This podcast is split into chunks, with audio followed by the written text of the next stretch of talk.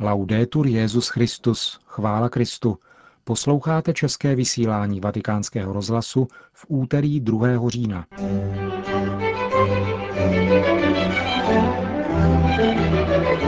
Benedikt XVI. se rozloučil se zaměstnanci papežské rezidence v Castel Gandolfo a jejich rodinami. Tento týden se koná pravidelné výroční zasedání Mezinárodní teologické komise. A na závěr uslyšíte osmé pokračování cyklu Pavla Jajtnera o kompendiu sociálního učení církve. Hezký poslech. Zprávy vatikánského rozhlasu Castel Gandolfo Včera v podvečer se v Castel Gandolfu konalo tradiční setkání papeže se zaměstnanci papežské rezidence a jejich rodinami na závěr pravidelného letního pobytu svatého otce v tomto městě.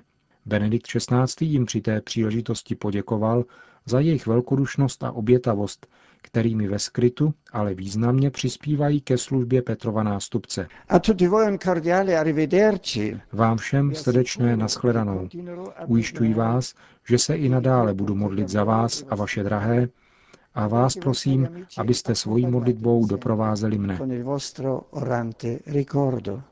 Benedikt XVI. se do Vatikánu vrací ve středu dopoledne, kde na náměstí svatého Petra proběhne generální audience. Vatikán. Mezinárodní teologická komise zasedá ve dnech 1. až 5. října v domě svaté Marty ve Vatikánu za předsednictví prefekta Kongregace pro nauku víry kardinála Williama Levady. Pravidelné výroční zasedání moderuje sekretář tohoto poradního teologického grémia, otec Luis Ladária. Komise se podle plánu bude zabývat návrhem dokumentu o přirozeném morálním zákoně, jehož účelem bude reflexe o základech všeobecné etiky. Studován bude také návrh dokumentu na téma totožnosti, smyslu a metody teologie. V pátek 5. října na závěr svých prací budou členové Mezinárodní teologické komise přijati na audienci Benediktem XVI. v Apoštolském paláci ve Vatikánu. Lizie. Ve francouzském Lizie probíhají slavnosti misijního roku u příležitosti 80. výročí prohlášení svaté Terezie od dítěte Ježíše patronkou misií. Benedikt XVI. zaslal při té příležitosti poselství prefektovi kongregace pro evangelizaci národů kardinálu Ivanu Diazovi, který oslavám předsedá. Do Lizie přijeli také misionáři v souvislosti s 50. výročím encykliky Pia XII. Fidei Donum. Papež ve svém poselství připomíná, že svatá Terezie, ačkoliv nikdy neopustila klauzuru, podporovala misionáře svou modlitbou a udržovala s nimi také písemný kontakt, žila autentickým misijním duchem a iniciovala nový duchovní proud, který jí vynesl titul učitelky církve, jenž jí před deseti lety přiškl Jan Pavel II. Benedikt XVI. upozorňuje na to, že počínaje papežem Piem XI. všichni Petrovi nástupci neustále poukazovali na vnitřní spojitost mezi modlitbou, milosedenstvím a misijní činností. Rád bych, píše svatý otec, aby slavnosti misijního roku v Lizie posílili ve všech pokřtěných misijní vnímavost, vyjadřující se v modlitbě, svědectví života a ostatních formách křesťanského nasazení. Kéž je každý věřící misionářem tam, kde přebývá. Na programu oslav je kromě bohoslužeb také diskuse s misionáři, mezi něž patří více než tisíc zahraničních kněží, kteří pracují ve francouzských farnostech. New York. Výslovné ne k válce a také ano k lidské důstojnosti zazní opět mocně, pokud bude OSN věrná hodnotám, kvůli nimž před 62 lety vznikla. Podle preambule tehdy vydané Charty Spojených národů má chránit budoucí pokolení před pohromou války, vrátit víru v základní práva člověka, důstojnost a hodnotu osoby, zajistit respektování mezinárodního práva, podporovat sociální pokrok a svobodu. Připomněl to včera arcibiskup Mamberty na 62. zasedání Organizace spojených národů v New Yorku. Sekretář svatého stolce pro vztahy se státy dále upozornil na to, že citovaný dokument potvrzuje existenci všeobecné víry ve vrozenou důstojnost člověka. Respekt k ní je nejhlubším etickým základem úsilí o mír a budování mezinárodních vztahů, odpovídajících autentickým lidským potřebám a nadějím. Jeho opomenutí vede naopak ke konfliktům. V souvislosti s blížícím se 60. výročím Všeobecné deklarace práv člověka vyjádřil arcibiskup Mamberty politování nad tím, že mnoho lidí z ní dosud nemá žádný užitek. Tato práva nepocházejí od veřejné moci, ale jsou nárokem přirozenosti člověka. Nejdůležitějším z nich je zajištění všeobecného respektování práva na život od početí do přirozené smrti. Je proto zapotřebí zadržet a obrátit kulturu smrti, prohlásil na fóru OSN vedoucí představitel vatikánské diplomacie. Čína. Letos poprvé navštívil člen kardinálského sboru Čínskou lidovou republiku. Ve dnech 24. až 28. září přijel na pozvání Čínského úřadu pro náboženské záležitosti arcibiskup Hočiminova města kardinál Jean-Baptiste Pham Min Man. Větnamský kardinál se setkal mimo jiné s novým arcibiskupem Pekingu Josefem Li Shanem, který je uznáván vládou a zároveň ve společenství s Petrovým nástupcem. Větnamská delegace byla přijata také ředitelem státního úřadu pro náboženské záležitosti Liu Bainanem a dalšími dvěmi biskupy. Ordinář bývalého Saigonu se setkal také se seminaristy a navštívil Šangaj tamnějšího biskupa Aloysiuse Jin Luxiana. Francie. Moskevský patriarcha Alexej II. očekává po své návštěvě ve Francii posílení katolicko-pravoslavných vztahů, Nejvyšší představitel nejpočetnější pravoslavné církve navštívil Štrasburg, setkal se s tamnějším katolickým biskupem, vyslechnul koncert chrámových sborů a vystoupil na zhromáždění Rady Evropy, kde mimo jiné poukázal na to, že odtržení od křesťanské morálky může způsobit zkázu starého kontinentu. Zrujnování morálních norem může podlomit světonázor Evropana a přivést národy ke ztrátě duchovní i kulturní totožnosti a tím i samotného místa v dějinách, řekl Alexej II.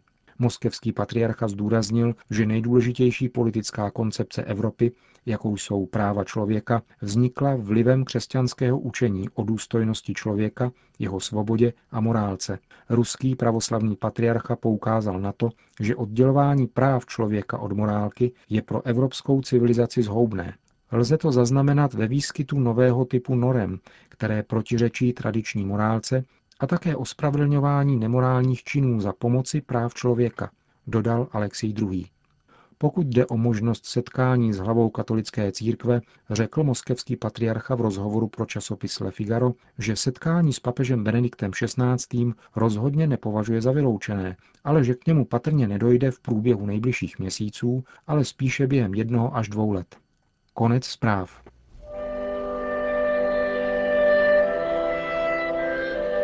A nyní si můžete poslechnout osmé pokračování cyklu Pavla Jeltnera o kompendiu sociálního učení církve. Jeho dnešním námětem je rodina jako živoucí buňka společnosti.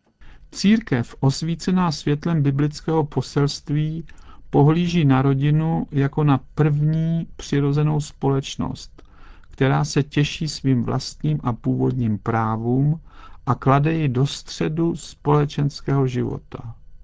Připisovat rodině podřadnou a druhotnou úlohu, odnímat jí tu důstojnost, která jí ve společnosti přísluší, znamená působit těžkou škodu skutečnému rozvoji společnosti.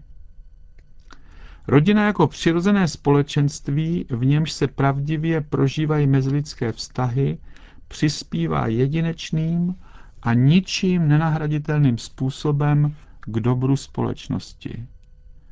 Společnost vytvářená v zájmu a podle měřítek rodiny je nejlepší zárukou proti každé deformaci individualistického nebo kolektivistického typu, protože právě v rodině je osoba stále v ohnisku pozornosti. Je zcela evidentní, že dobro osob a fungování společnosti úzce souvisejí s dobrým stavem manželského a rodinného společenství. Bez rodin, které jsou pevnými společenstvími a jejíž členové se odhodlaně nasazují za druhé, by došlo k oslabení národů. V rodině se již od prvních let života člověku vštěpují mravní hodnoty, předává se mu duchovní dědictví náboženské komunity i kulturní dědictví národa. V rodině si člověk osvojuje společenskou odpovědnost a solidaritu. Žádný sociální model, jehož záměrem je služba dobru člověka, nesmí zanedbávat ústřední postavení a společenskou odpovědnost rodiny. Společnost a stát mají ve vztahu k rodině navíc povinnost držet se principu subsidiarity. Respektování tohoto principu znamená, že úřady nesmějí odebírat rodině ty úlohy, které může dobře naplňovat sama nebo ve svobodném spojení s ostatními rodinami. Společnost má povinnost podporovat rodinu tím, že pro ní zajistí veškerou pomoc, kterou potřebuje, aby správně plnila to, co je jejím posláním.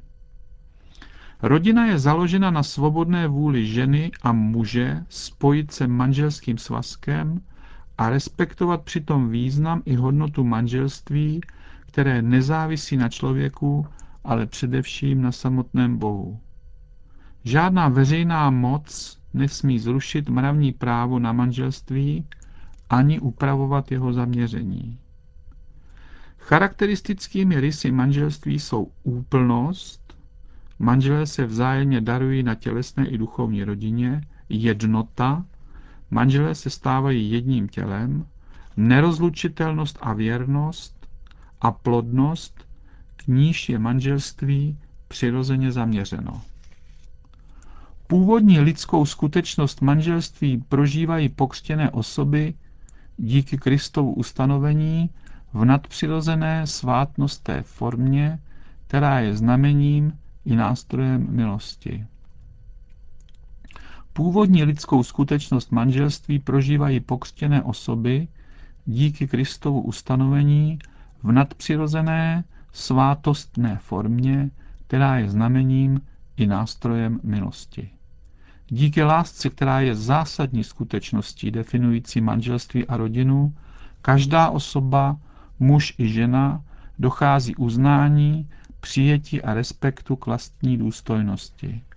Z lásky se rodí vztahy prožívané ve znamení nezištnosti, která u všech členů a u každého jednotlivě respektuje a podporuje osobní důstojnost jako jediné rozhodující měřítko hodnot. Z toho pramení srdečná příchylnost a setkání v rozhovoru, nesobecká ochota pomoci, velkorysá vůle sloužit druhým i hluboce pocitovaná vzájemnost. Láska se projevuje také prostřednictvím pozorné péče o staré lidi, kteří žijí v rodině. Jejich přítomnost proto může mít velkou hodnotu. Oni jsou příkladem vztahu mezi jednotlivými generacemi a tak přispívají k blahu rodiny i celé společnosti. Kromě svědectví o tom, že existují aspekty života, které se neměří ekonomickými kritérii nebo výkonností, lidské, kulturní, mravní a sociální hodnoty, ale mohou nabídnout také skutečný přínos v oblasti práce a odpovědnosti. Povaha manželské lásky vyžaduje stabilitu manželského vztahu a jeho nerozlučitelnost. Bez vztahu výlučné a naprosté lásky, jež musí být vlastní manželskému svazku, dochází k rozkolu, který způsobuje velké utrpení potomkům a má škodlivé důsledky pro celou společnost. Církev se za osoby, které po rozvodu vstoupily do nového svazku, modlí, povzbuzuje je v duchovních obtížích, s nimiž se potýkají a podporuje je ve víře a naději.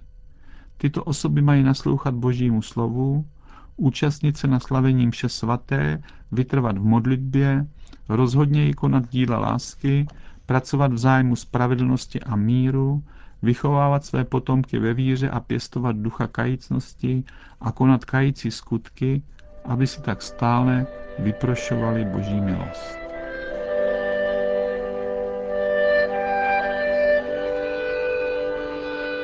Slyšeli jste osmé pokračování cyklu Pavla Jajtnera o kompendiu sociálního učení církve.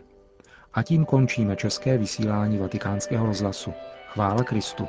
Laudetur Jezus Christus.